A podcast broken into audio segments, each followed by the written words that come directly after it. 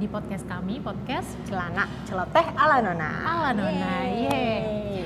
Bul. Hari ini kita mau bahas apa ya, Bul? Iya, kalau sebelumnya kita kayaknya lebih cenderung banyak ngejulitin Oke.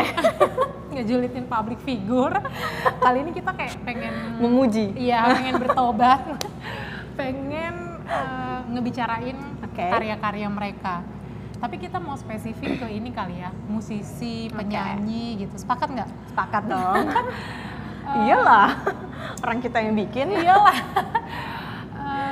Lu dulu deh, kalau lu ada nggak sih dulu penyanyi atau misalnya penulis lagu atau ya apalah itu musisi yang eh, lu suka Mhm. dan kalau lu suka tuh lu punya alasan Kenapa? tersendiri nggak sih? Ya.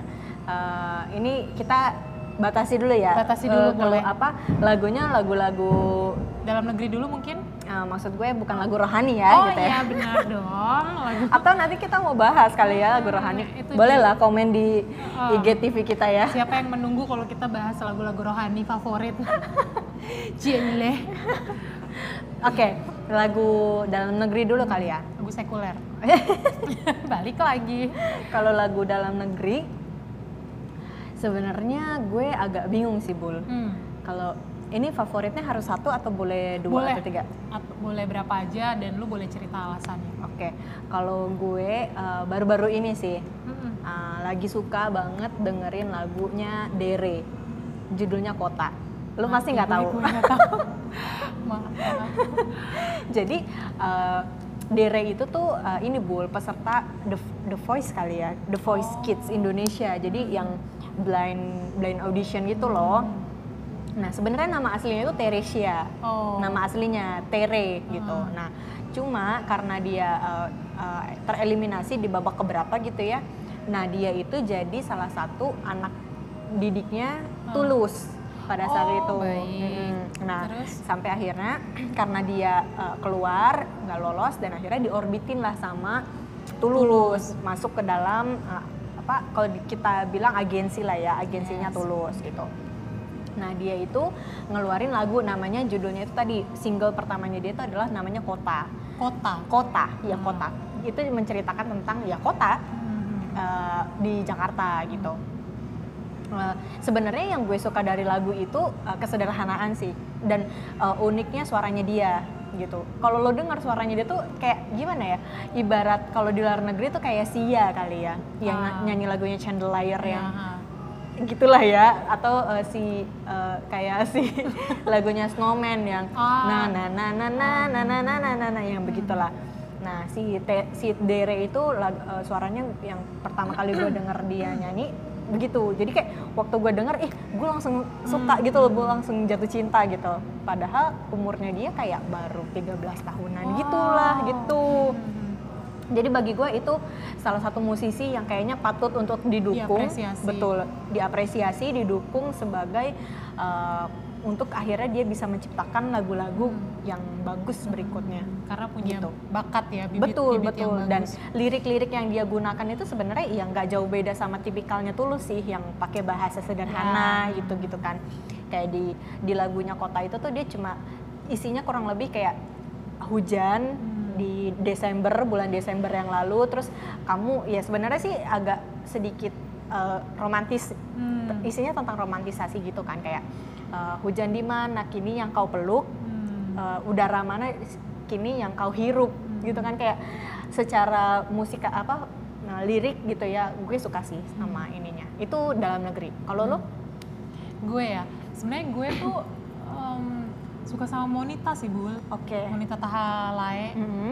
karena memang warna suaranya itu loh bul Mhm. sama gue tuh sebenarnya suka dia tuh kan bukan tipikal penyanyi yang menggelegar gitu ya Oke, bukan betul, tipikal betul. penyanyi yang teknikal banget gitu loh tapi suara tipikal suara dia tuh Jesse gitu nggak Aha. sih jadi lebih kayak kalau denger dia nyanyi tuh kayak memang kayak lagi ngomong aja iya, gitu ya bisikan sejuk gitu loh bul Oke. bukan kayak tapi ya gue suka aja sama warna suaranya dia terus yang kedua gue tuh kan termasuk orang yang suka dengan kata-kata indah ya oke nah dia itu kalau bikin lagu ya kayak lu bilang tadi liriknya tuh benar-benar indah menurut gue kayak terlepas itu sederhana eh, tapi juga kayak semi-semi puisi tapi betul juga betul betul bercerita gitu loh. Bul dan itu tuh memang langsung kena ke hati gitu dan yang paling gue bukan Suka. paling gue suka sih Mhm. Eh, jadi kan dia udah ngeluarin tiga album tuh kalau nggak salah nah yang yang gue ikutin tuh mulai dari album yang Dandelion waktu itu loh nah itu tuh kan tahun 2015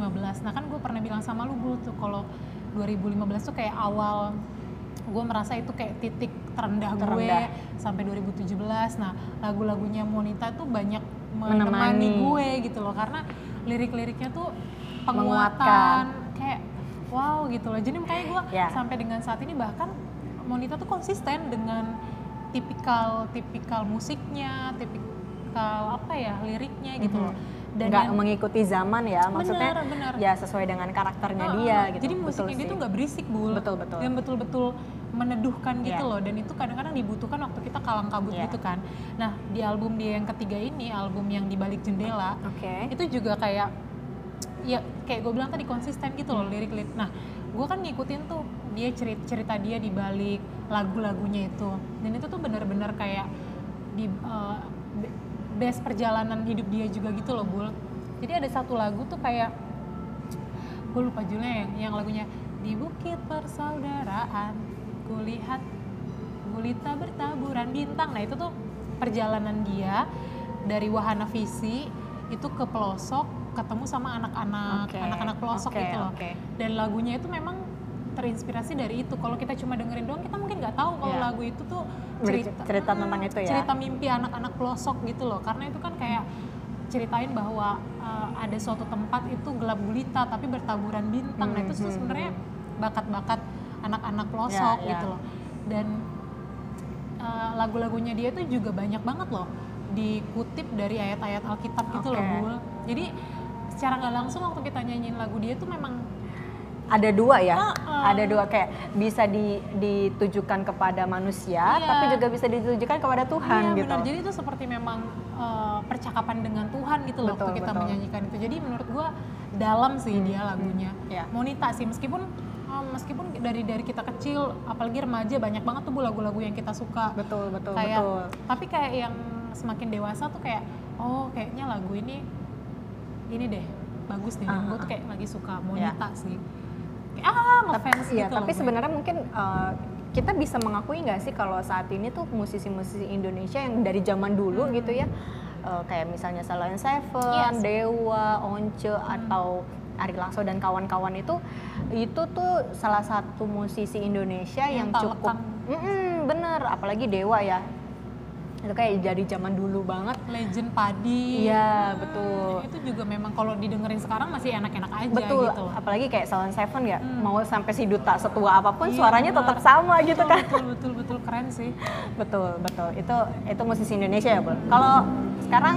Eh se- sebelum ke yang di luar Indonesia oke. gue juga kan mengapresiasi banget nih Bul. Banyak banget eh, bakat-bakat. Kayak tadi masih 13 tahun. Hmm. kayak di ajang-ajang audisi-audisi Betul, betul. pencarian bakat itu Ah, ah. gila bakat-bakat Betul, penyanyi tuh betul. keren-keren banget loh Iya. kayak di Indonesian Idol iya suaranya tuh belum suara kelas internasional iya kalau betul menurut gua nggak kalah saing lah ya Iya, sama benar, sama yang lain jadi memang perlu kita dukung lanjut lanjut kalau lagu apa ya Bul? ke Inggris dulu ya lagu-lagu barat deh lagu dulu deh. barat Hmm. lagu barat gue dulu nih ya lu dulu deh Oke, kalau lagu barat gue ada satu lagu Hmm. yang sebenarnya sih nggak cuma satu lagu sih, ada beberapa lagu.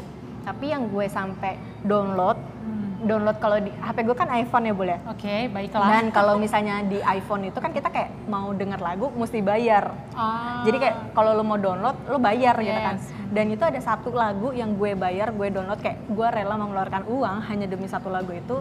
Itu lagunya Stevie Wonder. Ah. Lang Isn't She Lovely? Isn't she lovely? Isn't she wonderful? Lo nggak tahu? Da, eh, itu lagu yang udah terkenal banget lah dari zaman dulu itu. ntar gue akan ada pengakuan Iya. terus terus Eh, lagu itu gue download karena gue suka banget sama eh, musiknya dia. Heeh. Jadi sebenarnya kalau dari sisi uh, length, maksudnya dari sisi panjang Hmm, lagunya. durasi lagunya itu panjang banget bu, kayak ada 6 menitan gitu lah. Anjir bisa bosen gak sih gitu Iya sebenarnya iya gitu. Kalau kalau ngeliat nih, aduh apaan sih? Hmm. Tapi dia uh, ada satu yang bikin gue suka sama si, si lagu itu karena si Stevie Wonder ini kan bikin lagu Isn't She Lovely untuk anaknya Ah. anaknya yang baru lahir. Uh, dari istrinya yang pertama kalau nggak salah ya. Nah, tapi sebenarnya si Stevie Wonder ini adalah orang buta bul.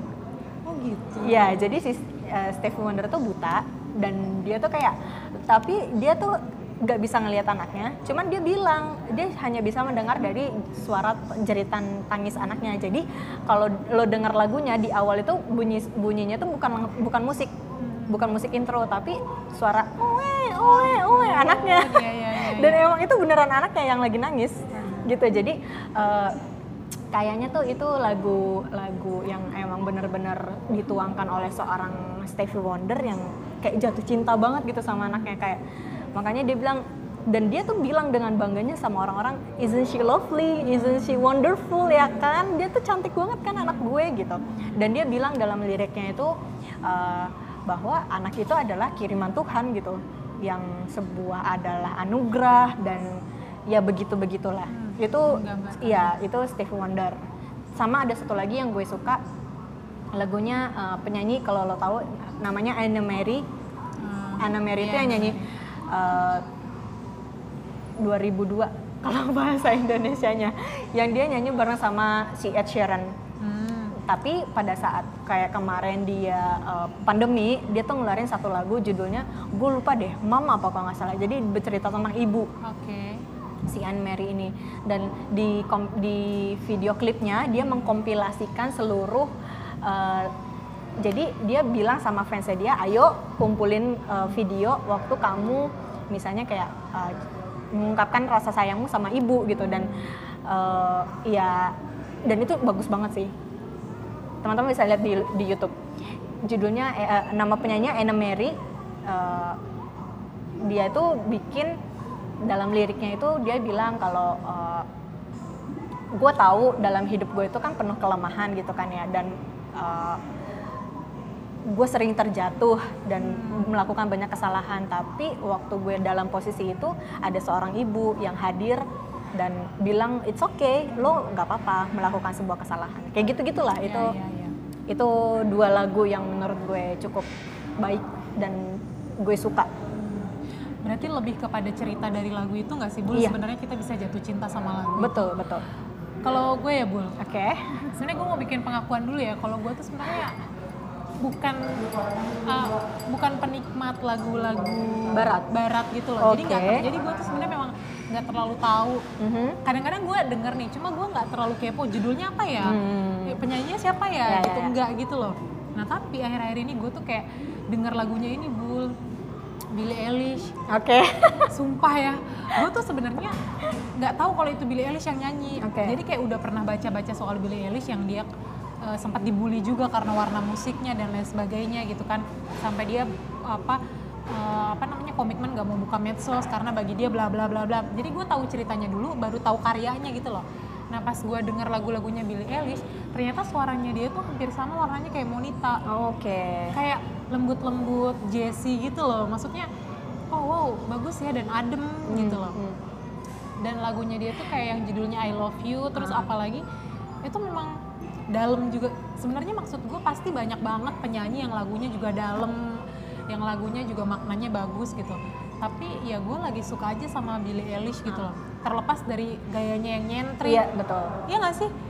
Tapi menurut gua loh kok lagu-lagunya tuh malah warnanya beda dengan penampilannya gitu loh Bul. Menurut gue ya, gua Aha. koreksi kalau gue salah. Nah jadi gua kayak lagi menikmati lagu-lagunya Billie Eilish sih kayak seru ya maksudnya warna suaranya tuh mirip Iya, sama iya. Monita gitu. Oke. Dan jarang Bul orang luar itu suaranya seperti itu. Karena seperti gue bilang biasanya kalau internasional tuh mereka kan lebih ke teknik biasanya Iya. suaranya daripada ke apa ya ke perasaan. Nah kalau Indonesia tuh banyak lagu-lagunya lagu-lagu keperasaan daripada lagu-lagu teknik. ya Nah itu maksudnya jadi gue kayak oh Benar. lagi seru aja sih ngedengerin Billie Eilish gitu. Iya. Meskipun kalau dulu gue seneng banget gue dengerin lagunya. Westlife Bu ya itu tapi sama ini gue lakuin. If tomorrow never come. Ah, oke Apa sih judul? Lu tau gak penyanyi siapa? Itu gue suka banget sih. Lenan, ah, maaf aku lupa. Kayak karena liriknya bagus banget gitu. Jadi gue tuh memang suka lagu-lagu yang liriknya bagus.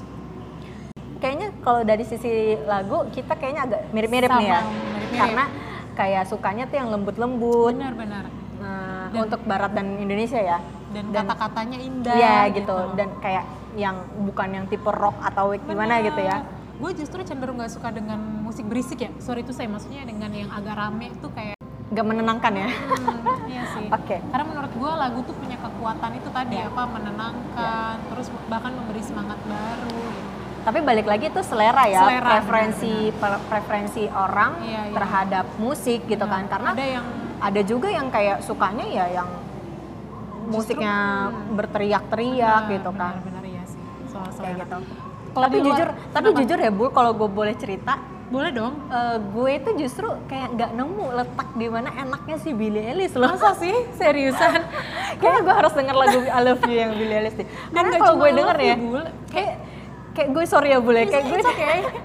kayak gue dengerin ya apa sih ini dia lagunya kenapa kayak gini sih yang bad Bad I'm guy, bad, bad- guy iya, kalau bad Nah, guy tuh, nah, nah, iya, nah, nah. iya. terus gue kayak. "Hmm, oke dia kayak cuma nah nah Bener, nah bener. kayak males gitu kan Iya iya, kalau bad guy tuh gue juga memang gak, tapi sebenarnya ya asik aja sih. Iya, tapi lama-lama asik sih kalau Nah, didengerin. Tapi kok lagu dia tuh yang I Love You sama apa lagi ya, Bul? Gue tuh nggak apal judulnya ya, pas didengerin anjir enak banget ya gitu. Maksudnya apalagi kalau lu malam-malam oke teman Suaranya. temennya ini ya overthinking Iya, ya Iya, temennya overthinking tuh kayak bagus ya suaranya gitu sih. oke Maaf ya, Bul. oke lanjut Aduh. Eh, kalau lagu-lagu ini Bul, kayak misalnya sekarang kan lagi hits tuh K-pop Oke. atau di luar K-pop lah misalnya penyanyi Korea atau penyanyi Asia mungkin penyanyi Hmm. Taiwan atau Hmm, apa ada nggak yang lu lagi favoritin? kalau lagu Korea K-pop ya Bul eh, sebenarnya gue banyak yang suka sih banyak yang nyukain maksudnya gue banyak Hmm. suka sama apalagi kalau gue tuh suka ini Bul suka sama satu eh, band bukan band sih bisa dibilang boy band kali ya Hmm. di Korea namanya Winner Eh, Winner. Emang nggak terlalu terkenal bu. Iya, Maksudnya eh, dia terkenal, tapi menurut gue si Winner ini apa ya eh, salah satu band yang bisa dibilang reputasinya cukup baik lah. oh, oke. Bahkan di kalangan fans, jadi ada namanya fansnya mereka tuh namanya Inner Circle. Oh baik. Nah jadi eh, di kalangan Inner Circle aja tuh kayak Eksklusif banget si, ya. si fans-fansnya tuh kayak dari tua sampai muda terus kita kayak yang nggak pernah berantem kayak gitu-gitu loh itu yang gue suka Oh. dari si winner ini Eh, itu secara- filosofinya atau memang enggak faktanya sih mereka? faktanya memang Oh. begitu karena misalnya pun kan kadang kalau misalnya ada eh, orang-orang yang boy band gitu. Hmm. eh, boy band datang ke Indonesia atau ke mana ke mana gitu ya nah kadang kan fansnya ini suka agak ada sedikit anarkis ya Ya. Nah, kalau yang si winner ini tuh fansnya itu disuruh baris ya baris gitu. Jadi itu kalau dari sisi uh, band ya, tapi kalau dari sisi lagu yang gue suka itu ada satu lagu bul, ada dua sih sebenarnya. Uh, yang gue favoritin dalam arti uh, gue punya ca punya apa ya punya cerita lah dari lagu itu ada kalau misalnya lo nonton Hospital Playlist Hmm. uh, di di episode 3 itu lagunya Lonely Night.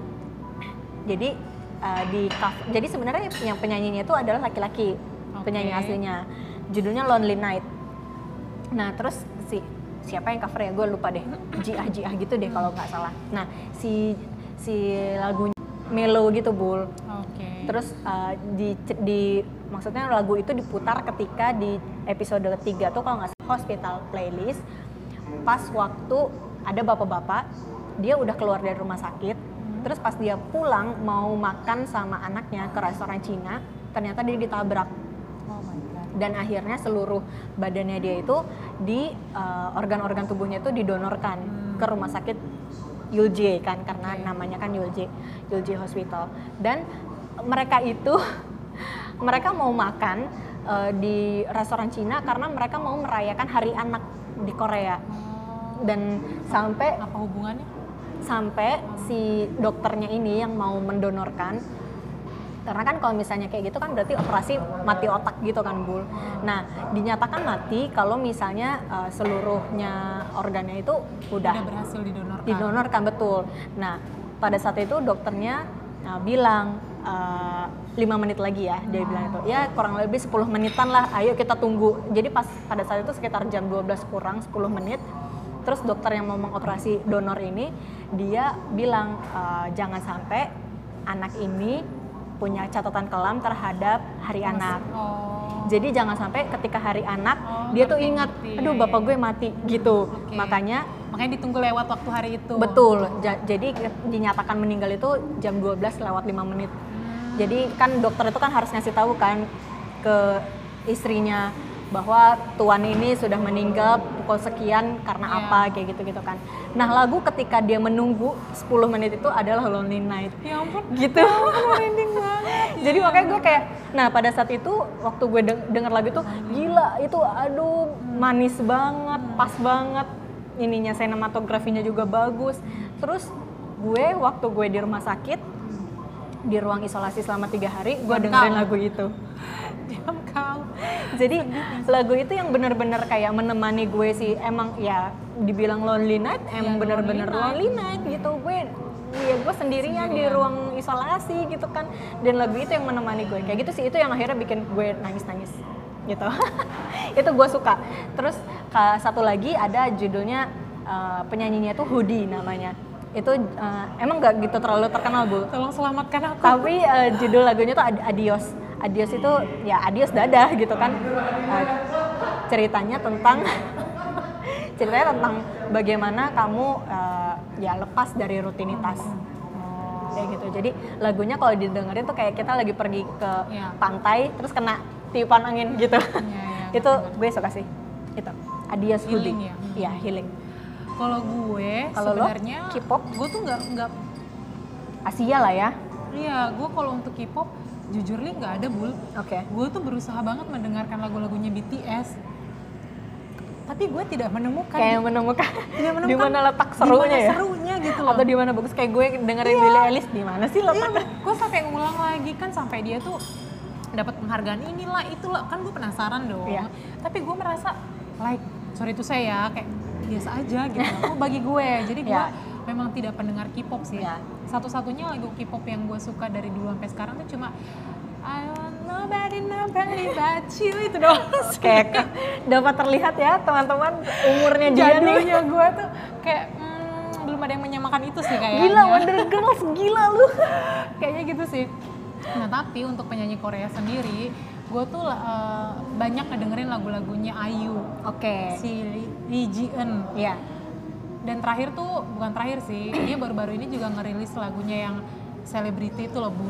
Dan kalau gue eh, googling arti dari lagunya itu ya menurut gue nah, Ayu juga tuh lirik bikin lirik lagu tuh bercerita apa ya tentang kehidupan Iya tentang kehidupan dan Betul, dia betul. juga memberi makna dari lagu itu Iya. gitu loh Bul. Jadi maksud gua suaranya dia juga bagus nah dia tuh concern ke ya pas kualitas ya Mm-mm. maksud gua pas oh liriknya ini memang memang pengalaman dia yang dia juga sebenarnya mau menyemangati sesama selebrit Iya. selebritis yang yang dia mau kasih tahu kalau jadi public figure tuh tekanannya berat loh.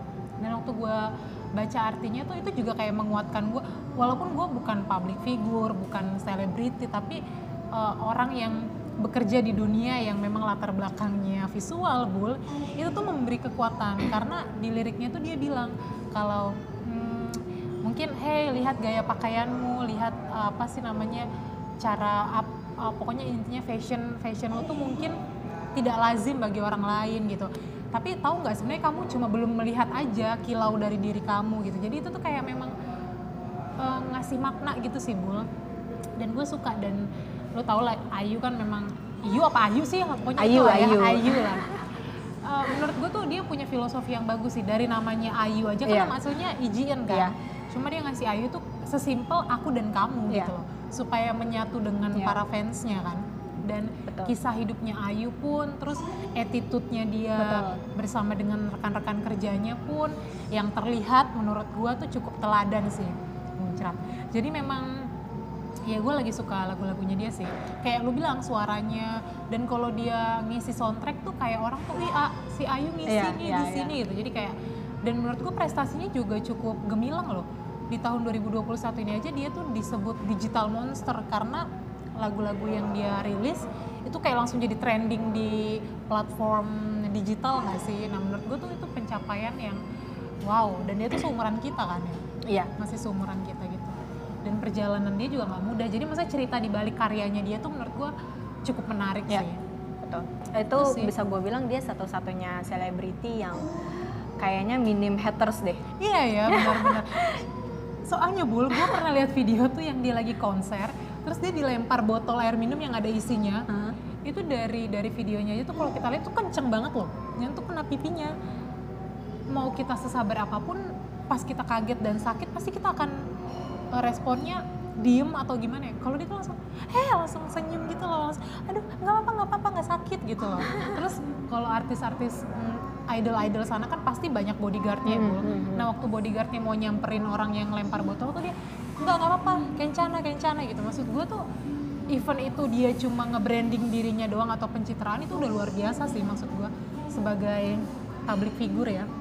Keren sih menurut gue Jadi sebenarnya ternyata mungkin banyak lagu-lagu yang mungkin ya dari kita sebutin itu ya itu kan maksudnya selera kita ya. Benar, Pastinya teman-teman di sana di luar itu punya referensi yang lebih banyak mungkin ya. benar benar Atau ya ya apa namanya selera musik yang berbeda. Iya, berbeda. Kita sukanya yang agak slow-slow gitu ya.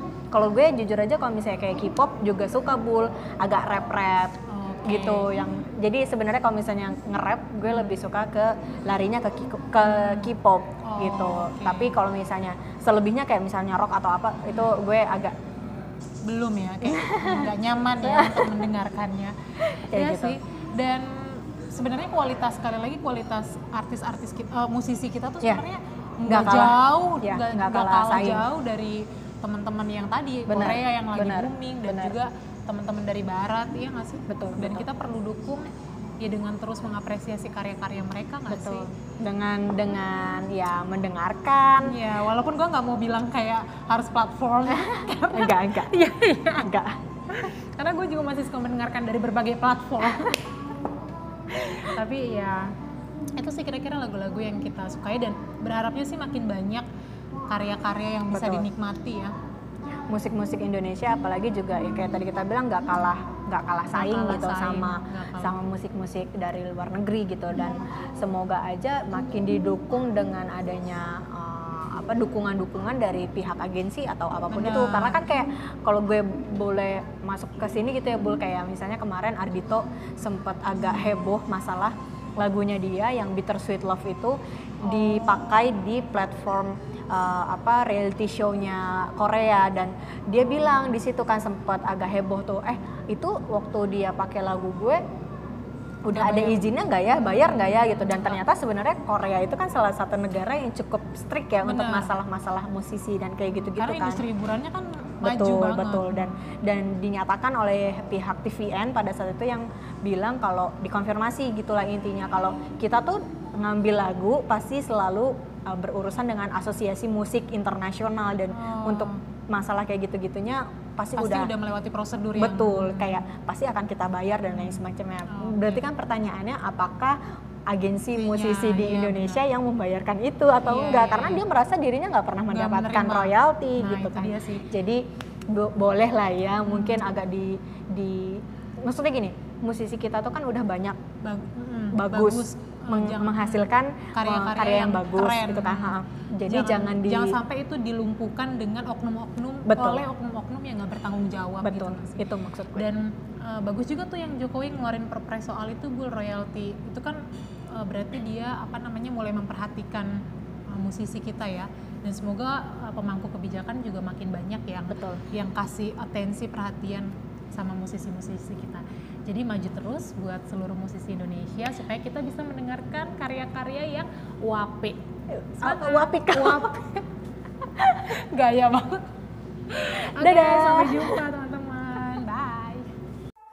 세상에 망설이 그 부정하게 커버린 걸칫거리 outsider.